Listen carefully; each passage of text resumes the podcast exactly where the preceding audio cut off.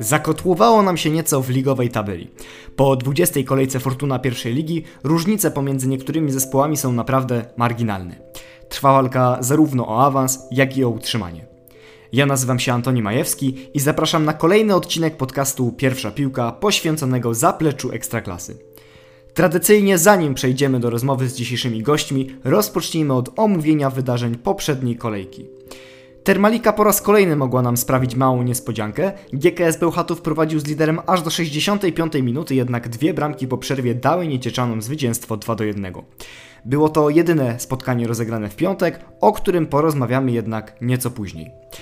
W sobotę zobaczyliśmy zwycięstwo Górnika Łęczna 2 do 0 nad Arką Gdynia. Sandecja pokonała 2 do 1 GKS Tychy. No, w tym przypadku chyba nie możemy już mówić o niespodziance, bo to kolejne już zwycięstwo Sandecji, która wspina się powoli w ligowej tabeli.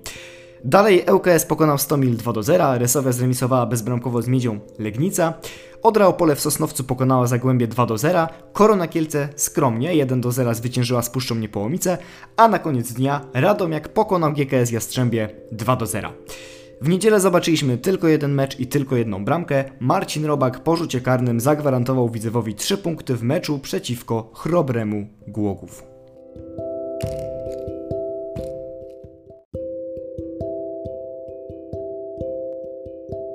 Naszym pierwszym rozmówcą jest Maciej Orłowski, zawodowo obrońca Górnika Łęczna, natomiast prywatnie wielki fan Lecha Poznań. Witam Ciebie. Dzień dobry, dzień dobry, witam. Powoli wchodzicie w ligowy rytm. W tym roku jako drużyna wygraliście na razie wszystkie swoje spotkania. Myślisz, że wiosną będziecie w stanie zaatakować pozycję lidera? Mam nadzieję. Taki jest nasz e, prywatny cel każdego, myślę, że każdego sportowca celem nadrzędnym jest wygrywanie meczów, zdobywanie trofeów, gdzieś tam sukcesu, osiąganie sukcesów, no i nie różnimy się niczym od, od, od, od innych drużyn. Chcemy wygrywać, chcemy, a jeśli to ma nam przynieść awans, y, to będziemy tylko, tylko szczęśliwi z tego powodu. W sumie e, w trzech tegorocznych spotkaniach straciliście na razie jedną bramkę. E, to było w meczu z GKS-em Bełchatów. E, no i po 20 kolejkach Fortuna pierwszej ligi chyba możemy powiedzieć, że e, defensywa jest waszą stroną zdecydowanie e, najmocniejszą. Myślisz, że sprawdzi się powiedzenie mówiące, że no może nie mistrzostwo w waszym przypadku, żeby, żeby nie zapeszać, żeby też nie pompować balonika, ale że mm, ta defensywa wam ugra awans?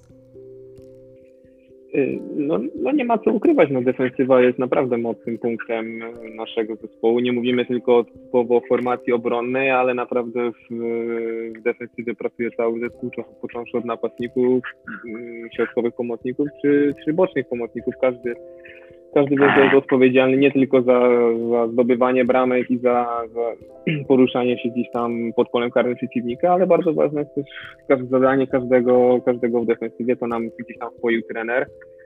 I, I, każdy, jak widać w tym momencie, rozumie, rozumie jakie, jakie ma założenia i to nam tylko przynosi takie efekty, że, że rzeczywiście tracimy mało tych bramek i to nas cieszy. Jeśli chodzi o ofensywę, to e, też tych goli już zdążyliście w tym roku trochę strzelić. Natomiast e, zabrakło Bartosza Śpiączki w pierwszych meczach, on był e, zawieszony. E, w poprzedniej kolejce w Gdyni zagrał, e, strzelił gola. E, czy przeciwko GKS-owi i Resowi w tych pierwszych meczach tego roku czu czuć było, że, że brakuje go w zespole? Wiadomo, Bartek jest dobrym napastnikiem, jest przede wszystkim bramkostrzelny, potrafi się znaleźć w takich sytuacjach, ma tego tak zwanego nosa w polu karnym no nie było go, ale to jest też właśnie siła tego zespołu, że bez, Bartka potrafiliśmy sobie, potrafiliśmy sobie poradzić. Trener zmienił trochę formację, bo w pewnym momencie graliśmy dwójką napastników. Przyszliśmy w tym momencie na ustawienie nominalną dziesiątką. Jest z przodu sam Paweł Wojciechowski. I, I, to też przyniosło efekt, więc to tylko świadczy o tym, że jesteśmy elastyczni, potrafimy sobie poradzić w ustawieniu z dwójką napastników z Bartkiem, potrafimy sobie poradzić bez niego i, i to tylko pokazuje, jak, jacy tak naprawdę jesteśmy mocni, mocni w tym sezonie. Ten e, początek wiosny dobry, no nie tylko dla, dla Was jako ogółu, ale też dla Ciebie, bo e, na boisku już spędziłeś e, więcej minut niż, niż przez całą rundę jesienną.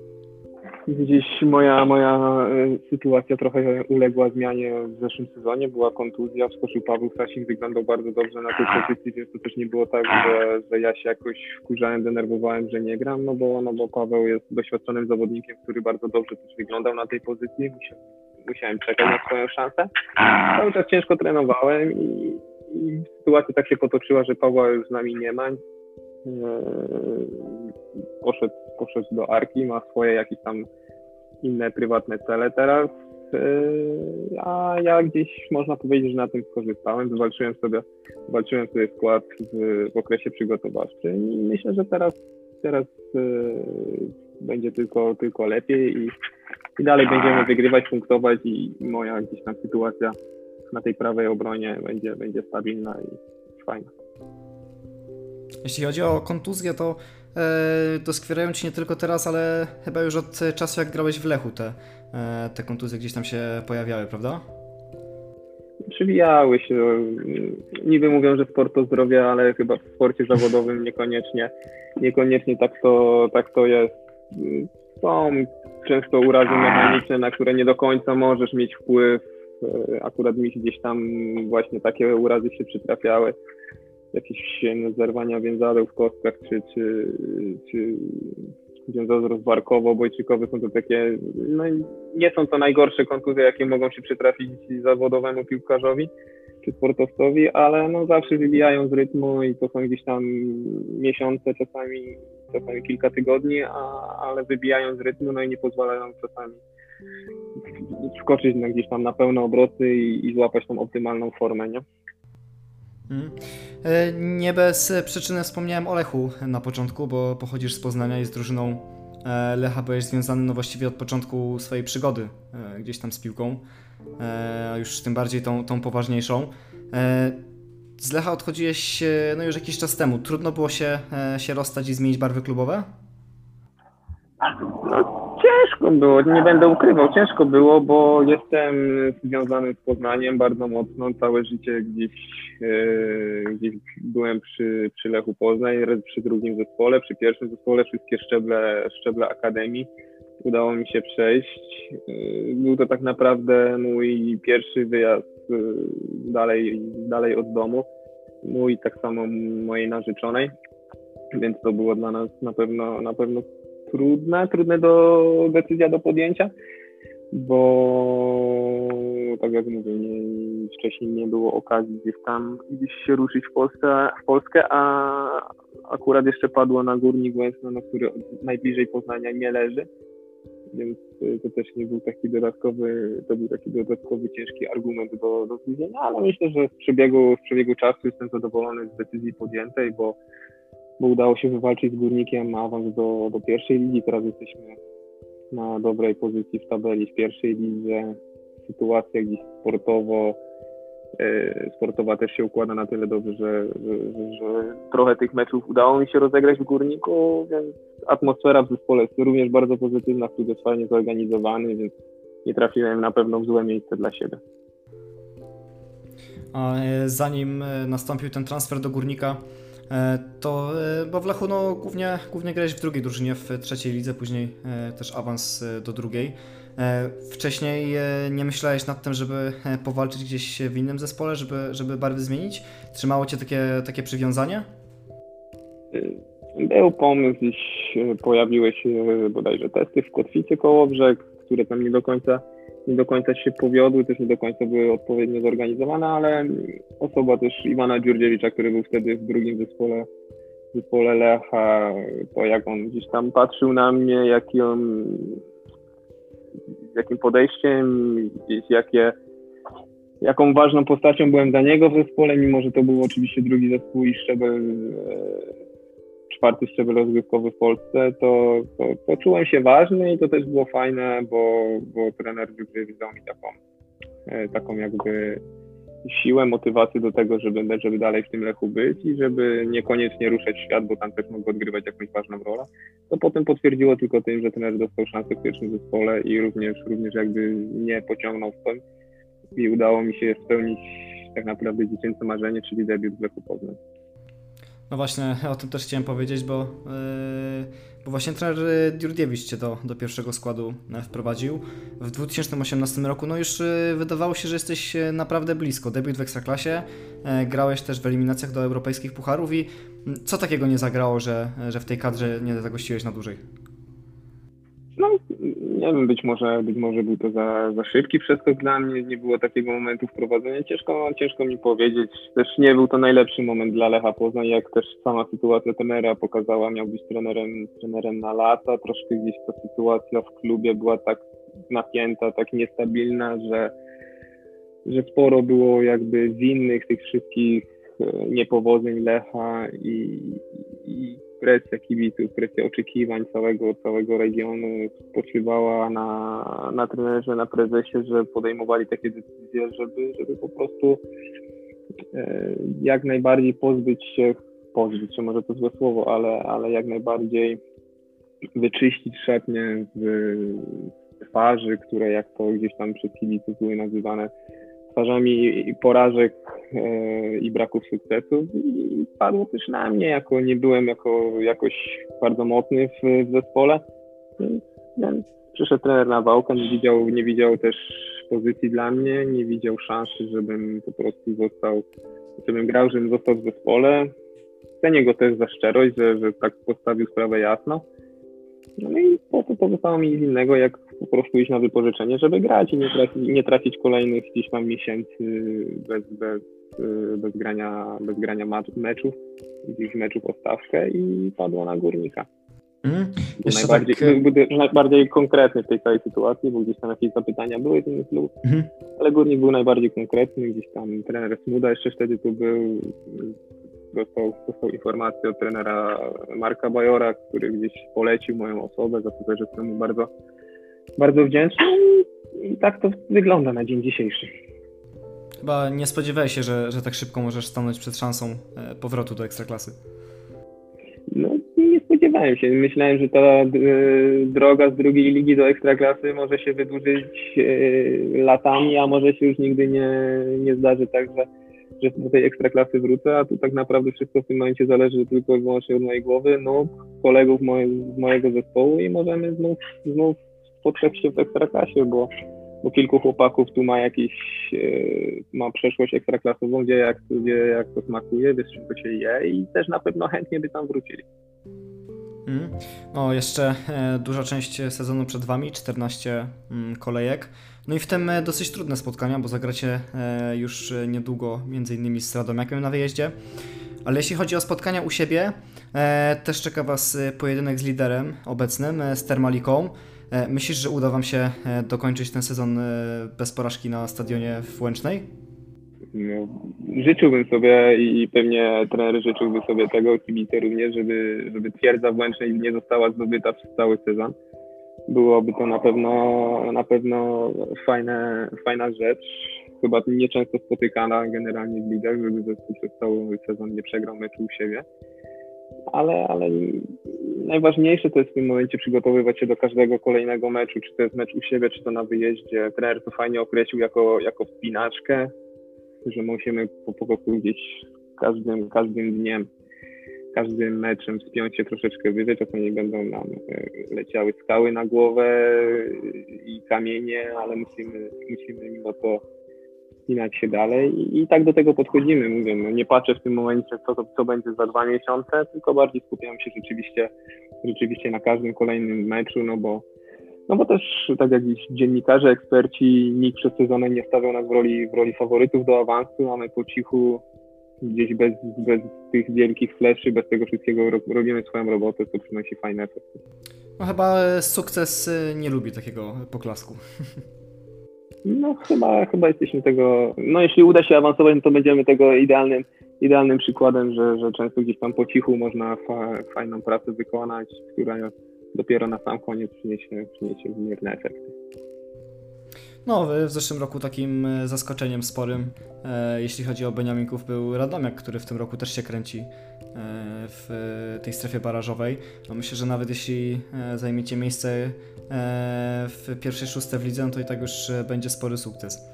Tak już powoli kończąc, myśląc o też najbliższym meczu z Koroną, no plan chyba macie prosty, prawda? Powtórzyć wynik z września, Tym bardziej, że dyspozycja korony jest no, daleka od dobrej. No tak, chcielibyśmy, tak jak powtarzam, no chcemy wygrywać w każdym meczu, ale nie możemy też patrzeć przez pryzmat problemów w koronie. Oni też mają zawodników, którzy potrafią grać w piłkę.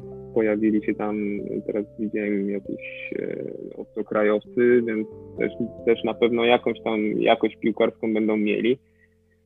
E, rotują też formacjami, grają czasami trójką w obronie, czasami czwórką. To nie będzie na pewno spacerek, ale, ale nie ma rzeczy niemożliwych, wystarczy się dobrze przyłożyć i, i myślę, że jesteśmy w stanie wygrać to spotkanie. Myślę, że e, też kluczowa będzie e, ta gra w, w, defensywie, o której wspomnieliśmy wcześniej, bo Korona raczej nie jest zbyt skutecznym zespołem pod, pod bramką rywala. No, Wydaje się, wydaje się, że rzeczywiście Korona trochę, trochę traci tych bramek, aczkolwiek teraz widzieliśmy, że, że, że potrafili wygrać 1-0, więc potrafią też zagrać na 0, 0 z tyłu. Będą grali na wyjeździe, nie wiemy czy się, czy się otworzą, czy, czy będą e, chcieli jednak grać bardziej wycofany, czy będą bardziej czekali na kontratak, będą chcieli nas, żebyśmy my przyjmowali dziś inicjatywę w meczu. Ciężko powiedzieć, jaki będzie na dzień dzisiejszy plan korony na ten mecz, ale musimy, mówię, powtórzę, powtórzę się jeszcze raz, ale skupić, skupić się na sobie, żebyśmy, żebyśmy po meczu mogli schodzić z głową podniesioną do góry, że wykonaliśmy pracę jak najlepiej, wykonaliśmy założenia trenera i, i to na pewno przyniesie nam sukces. No, tego życzę Tobie i, i tego życzę całemu zespołowi. E, jeśli chodzi o dzisiaj, to na tym stawiamy kropkę. Jeszcze raz e, bardzo Ci dziękuję za rozmowę. Dziękuję bardzo za rozmowę również. Do zobaczenia, do usłyszenia, mam nadzieję, na stadionach niedługo. Mam nadzieję, że kibice zaczną przychodzić, bo tego też troszeczkę brakuje i, i na pewno dużo przyjemniej by się grało, oglądało mecze, gdyby, gdyby kibice znowu wrócili na stadion. Drugą część naszego podcastu poświęcimy innej górniczej drużynie, jednak z drugiego bieguna ligowej tabeli GKS-owi Bełchatów, o którym porozmawiamy z redaktorem portalu gksnet.pl Bartłomiejem Majchrzakiem. Witam Cię serdecznie. Witam serdecznie. E, no cóż, e, nie jest to najlepszy początek roku dla GKS-u. Trzy porażki z rzędu, teraz e, najgorsza passa porażek w historii klubu.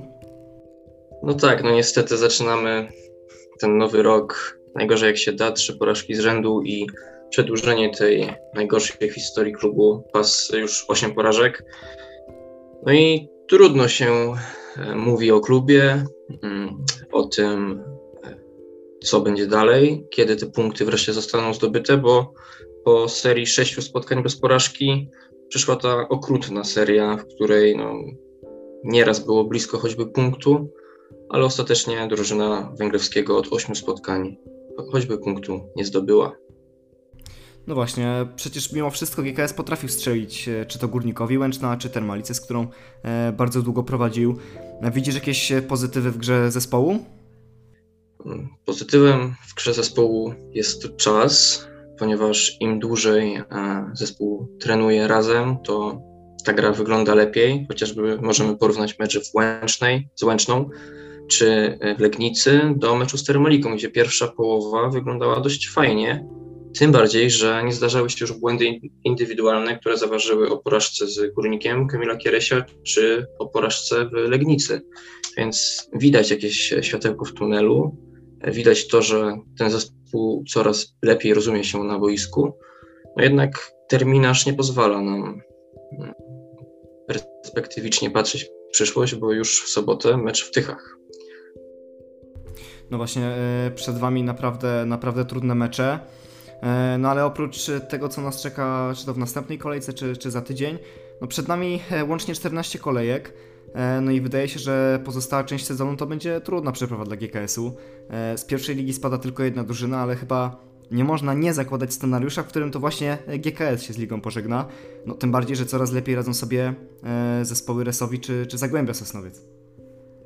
No tak, prezes Zając bodajże przed startem rundy mówił, że przewaga GKS-u w tabeli jest bezpieczna. Teraz wynosi ona zaledwie dwa punkty i bezpieczna na pewno nie jest, a zespół nie może zdobyć tego punktu, bo albo po prostu rywal jest o dwie klasy lepszy, albo sędzia podejmuje decyzje, które są no, nie do końca zgodne z sytuacją boiskową. E, więc trudno rozpatrywać to, że GKS jest pewny utrzymania, czy że GKS się utrzyma, bo tak naprawdę i Resowia, i Zagłębie Sosnowiec y, na chwilę obecną prezentują także słaby futbol, ale ten futbol przynosi im od czasu do czasu punkty, a my przez mecze z Koroną, Radomiakiem, Chrobrym, GKS-em Jastrzębie, Puszczą, Łęczną, Miedzią i Termaliką nie jesteśmy w stanie zdobyć choćby punktu, co na pewno martwi i stawia GKS e, na pole position w walce o to ostatnie miejsce w tabeli. E, wspomniałeś o e, pracy sędziów. No wszyscy wiemy chyba, że w pierwszej lidze sędziowie no, popełniają dosyć sporo błędów. Nie inaczej chyba było w ostatniej kolejce przeciwko Termalice. Jak ty widzisz sytuację z rzutem karnym, później tę drugą bramkę dla Termaliki? Moim zdaniem rzutu karnego nie powinno być, ponieważ e, napastnik Termaliki według mnie po prostu się pośliznął na tej murawie, która jednak nie była może dobrze przygotowana ze względu na to, że mamy marzec i nie było tam kontaktu z Bartkiem Żurkiem, e, więc karny nie powinien być uznany. Natomiast e, druga bramka Kaspra Śpiewaka po rzucie rożnym no tutaj moim zdaniem Marcin Sierczyński, gdy nabijał Boneckiego, nabił Boneckiego i piłka opuściła boisko po tym, jak ostatni raz dotknęła gracza gości, a nie gracza GKS-u, więc ten roczny także taki troszeczkę dyskusyjny. No, w normalnych warunkach po prostu przyjęlibyśmy te, y, te dwie bramki. Jednak patrząc na to, że było blisko pokonania lidera i przede wszystkim zdobycia choćby punktu i przerwania tej e, swojej pasy, to troszeczkę to pewnie boli i kibiców, i piłkarzy. No na pewno, ale wiesz, to jest e, jeden z wielu meczy, jeden z ośmiu tak naprawdę, e, który GKS przegrało. E, też za te poprzednie porażki myślę, że trzeba po prostu wziąć, wziąć je na klatę i, i uznać, że no cóż, trzeba, trzeba coś w swojej grze zmienić. No tak, to prawda, jednak no, trzeba też pamiętać o tym, że sytuacja finansowo-organizacyjna klubu no, nie jest dobra, no bo wiadomo, że są problemy z wypłatami, e, odejście zawodników, więc no, gdy to wszystko dodamy, no to wtedy wychodzi nam, że i tak fajnie, że, że piłkarze wybiegają na tą murawę co tydzień i walczą o choćby punkt, o swoje kariery i przy okazji dla klubu. No ale jednak troszeczkę te decyzje, wiadomo, zawsze tych pokrzywdzonych e, bolą przez jakiś czas. No właśnie, troszeczkę uprzedziłeś moje e, następne pytanie, bo o tę sytuację e, finansowo-organizacyjną chciałem spytać. E, no nie jest tajemnicą, że GKS od dłuższego czasu zmaga się z problemami finansowymi. To się odbijało na formie zespołu w poprzednim sezonie, to wydaje się, że odbija się również teraz. Jeżeli spełni się no, najgorszy scenariusz, w którym GKS faktycznie spadnie z Fortuna pierwszej ligi, myślisz, że to może być koniec zespołu z Bełchatowa, jaki obecnie znamy? Z Bełchatowa, jaki obecnie znamy na pewno, ponieważ już się przyzwyczailiśmy do tego, że co pół roku jest wymieniana połowa szatni. Inaczej było także zimą. Jednak sądzę, że klub przetrwa i pomimo tego, że nowy sezon zaczniemy z czterema punktami ujemnymi na koncie, to w tej drugiej lidze ewentualnie nadal będzie występować. No wiadomo, że im niżej, tym te koszty utrzymania klubu będą mniejsze. Mamy nowego prezesa Wojciecha Zająca, który jest znany innymi z tego, że był prezesem e, RES-owi, delegatem PZPN-u. Co ciekawe, jest pierwszym prezesem wybranym w drodze konkursów w całej historii klubu, a jest już 15 prezesem. Mamy także nową radę nadzorczą e, na czele z Alanem Paczuszką, który jest między innymi autorem książki o rosyjskich służbach specjalnych. Nie wiem, jak to się łączy z futbolem, ale jakoś się chyba łączy. E, więc no, można pozytywnie patrzeć w przyszłość, można patrzeć na to, że nawet pomimo spadku zespół będzie funkcjonował, ale trzeba zadać sobie pytanie, w jakim kształcie, bo już latem mówiło się, że zespół upadnie, nie będzie miał kto grać. Przyszli nowi piłkarze, pograli, odeszli. Teraz mamy marzec, zimą przyszli nowi piłkarze i znowu walczą, grają z, w koszulce GKS-u. ja mam nadzieję, że jeżeli będzie ten spadek, choć oczywiście wierzę w utrzymanie, bo piłkarze GKS-u od kilku sezonów pokazują, że wola walki, ambicji i przede wszystkim e, szatnia i zespołowość to coś, co nas wyróżnia na tle innych zespołów, to mam nadzieję, że utrzymają się najpierw, a jeżeli będzie ten spadek, to w tej drugiej lidze przystąpią i będą godnie walczyć o to, by wrócić jak najszybciej do Fortuna pierwszej ligi, ale przede wszystkim tutaj zadanie prezesa i Rady Nadzorczej, ta sytuacja finansowa, trzeba ją uregulować jak najszybciej, no bo jednak męczy to i piłkarzy, i pracowników, i kibiców, i pewnie całe środowisko piłkarskie, bo to chyba jest oczywiste, że nie ma klubu w Polsce, który nie ma długu, nie ma problemów finansowych na czele z Legią i Lechem, ale w Bełchatowie to już przychodzi e, ludzkie pojęcie, gdy na przykład przed meczem z Koroną piłkarze opóźniają wyjście na murawę e, w ramach protestu, publikują jakieś oświadczenia, sezon wcześniej odmówili treningu, więc no, trzeba to jakoś wyprostować i, i zarówno w przypadku spadku, i zarówno w przypadku utrzymania się Fortuna pierwszej lidze. Myślę, że literatura, o której wspomniałeś, to bardziej pasuje do, e, czy łączy się e, z rosyjską piłką niż z polską. Ale w każdym razie, e, no właśnie o to, o to chodzi, że ta, jest to dosyć niepewne, czy, czy GKS faktycznie przystąpi do, do rozgrywek drugiej ligi, jeśli, jeśli będzie musiał przystępować właśnie do, do rozgrywek o, na niższym poziomie. E, wspominałeś o tej sytuacji e, przed meczem z Koroną, wspominałeś o tym, że e, sami zawodnicy już e, po prostu no, nie wytrzymują tej sytuacji i trudno się też zawodnikom dziwić, no bo e, to jest e, przecież źródło ich dochodu. jak, jak w ogóle wygląda sytuacja ze sponsorami potencjalnymi, odkąd wycofał się, wycofała się spółka PGE? E, no bo chyba e, gmina no nie będzie w stanie e, klubu utrzymać przez jakiś dłuższy okres czasu. Miasto wspomaga klub jakimiś kwotami, jednak trwają poszukiwania jakiegoś sponsora tytularnego. Jak widać, trwają one i nie mogą się zakończyć. Jeszcze jak prezesem był Wiktor Ryc, to powiedział bodajże na pikniku rodzinnym, gdzie była prezentacja drużyny na nowy sezon, powiedział, że on jest w stanie mm, podpisać, on jest gotowy i jest w stanie podpisać umowę z PGE, no tylko, że PGE tej umowy nigdy nie chciało ostatnio podpisać. E, PGE sponsoruje Stal Mielec. E, tutaj był konflikt interesu, gdy mm, Stal grała jeszcze w pierwszej lidze. Stal awansowała do ekstraklasy, GKS pozostał w pierwszej lidze, ale PGE nadal nie chce finansować klubu. Podobno jakieś rozmowy trwają większościowy akcjonariusz klubu, EKS, Stowarzyszenie EKS Krabełchatów z prezesem Zbigniewem Fałkiem. Podobno jakieś rozmowy prowadzą. Tutaj także jest zaangażowanie nowej Rady Nadzorczej i prezesa Zająca, ale nie widać efektów. Widać jedynie takie słowa, które tak, tak, pracujemy nad tym i no nie widać efektów tej pracy, bo nie ma ani nowych, dużych sponsorów. Oczywiście są jakieś pomniejsze mm, firmy lokalne, które wspierają ten klub, ale wiadomo, że lokalna firma nie załata 7 milionów długu w budżecie. Zimą mówiło się o przejęciu klubu przez agencję menedżerską Top Goal, jednak to także nie wypaliło. Podobno mm, prezes Fałek nie był nawet za bardzo zainteresowany tymi rozmowami poszukiwanie sponsorów w Bełchatowie mogłoby się wydawać proste. No wiadomo, PGE, kopalnia, elektrownia, ale tak naprawdę e, w regionie nie ma takiego zainteresowania futbolem jak dawniej. Wynotowałem sobie nawet e, liczbę widzów, jacy odwiedzali w poprzednim sezonie mm, stadion przysportowej i najwięcej było ich na meczu z Odrą Opole, nieco ponad 2,5 tysiąca w 50-tysięcznym mieście to jednak wynik taki troszeczkę może satysfakcjonujący, ale troszeczkę poniżej oczekiwań. Tym bardziej, że teraz, gdy klub ruszył z akcją wsparcia, tak zwane karty wsparcia, gdzie oprócz karty można także otrzymać szalik, koszulkę, pakiet VIP, no to te karty sprzedają się tak no średnio bym powiedział, bo chyba nieco ponad 200 na chwilę obecną jest ich wykupionych. Więc no wiadomo, że te pieniądze to też niejako sponsoring kibiców dla klubu, jednak no, nie załatają tej olbrzymiej dziury w budżecie. Jest tu potrzebny ktoś, kto zastąpi to PGE, a wiadomo, że PGE nim nie będzie. No tak, na pewno GKS nie jest drużyną z takim e, potencjałem e, kibicowskim jak e, wiele innych ekip w Polsce.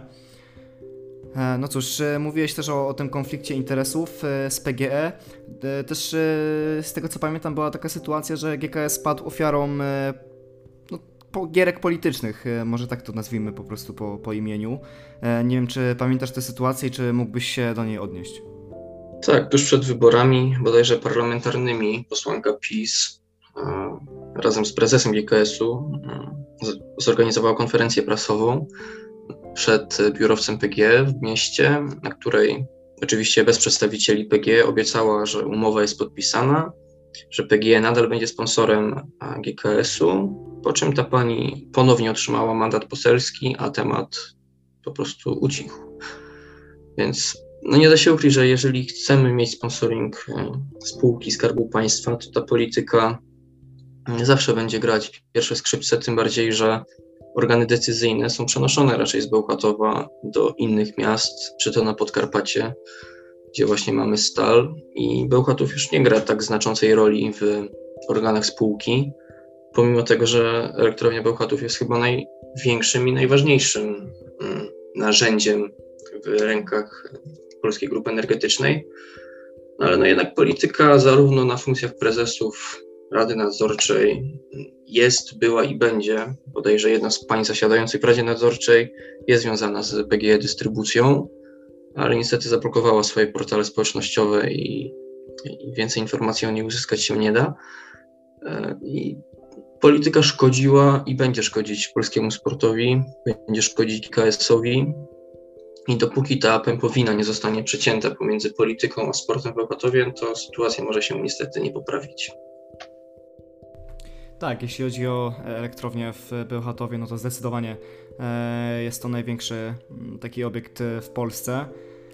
E, no cóż, z mojej strony to wszystko, chyba że chciałbyś jeszcze coś o GKS-ie dodać. Chyba nie, no można poruszyć temat transferów, ale to jest takie bagno, że to można gadać godzinę i dłużej, więc chyba, chyba nie ma sensu. W takim razie nie pozostaje mi nic innego jak tylko podziękować Ci za dzisiejszą rozmowę. Jeszcze raz moim gościem był Bartłomiej Majchrzak z portalu gksnet.pl. Dziękuję bardzo za rozmowę. Zbliżając się ku końcowi, jak zwykle prześledzimy również to, co będzie działo się w następnej kolejce Fortuna pierwszej ligi. I tak, w piątek Puszcza zmierzy się z Radomiakiem, Odra Opole z Sandecją Nowy Sącz, Górnik Łęczna z Koroną Kielce. W sobotę czekają nas mecze Miedzi z Arką, GKS-u Jastrzębie z Chrobrym Głogów, Resowi z Termaliką, GKS-u Tychy z GKS-em Bełchatów oraz ŁKS-u Łódź z Zagłębiem Sosnowiec. W niedzielę znów odbędzie się tylko jedno spotkanie, tym razem pomiędzy Stomilem Olsztyn i Widzewem. Zachęcamy do odwiedzenia naszej strony internetowej, śledzenia naszego podcastu oraz subskrybowania naszego kanału YouTube. Otwarta pozostaje także sekcja komentarza, więc zapraszamy do dyskusji. Na dziś to wszystko. Do usłyszenia już w następny czwartek w kolejnym odcinku podcastu Pierwsza Piłka.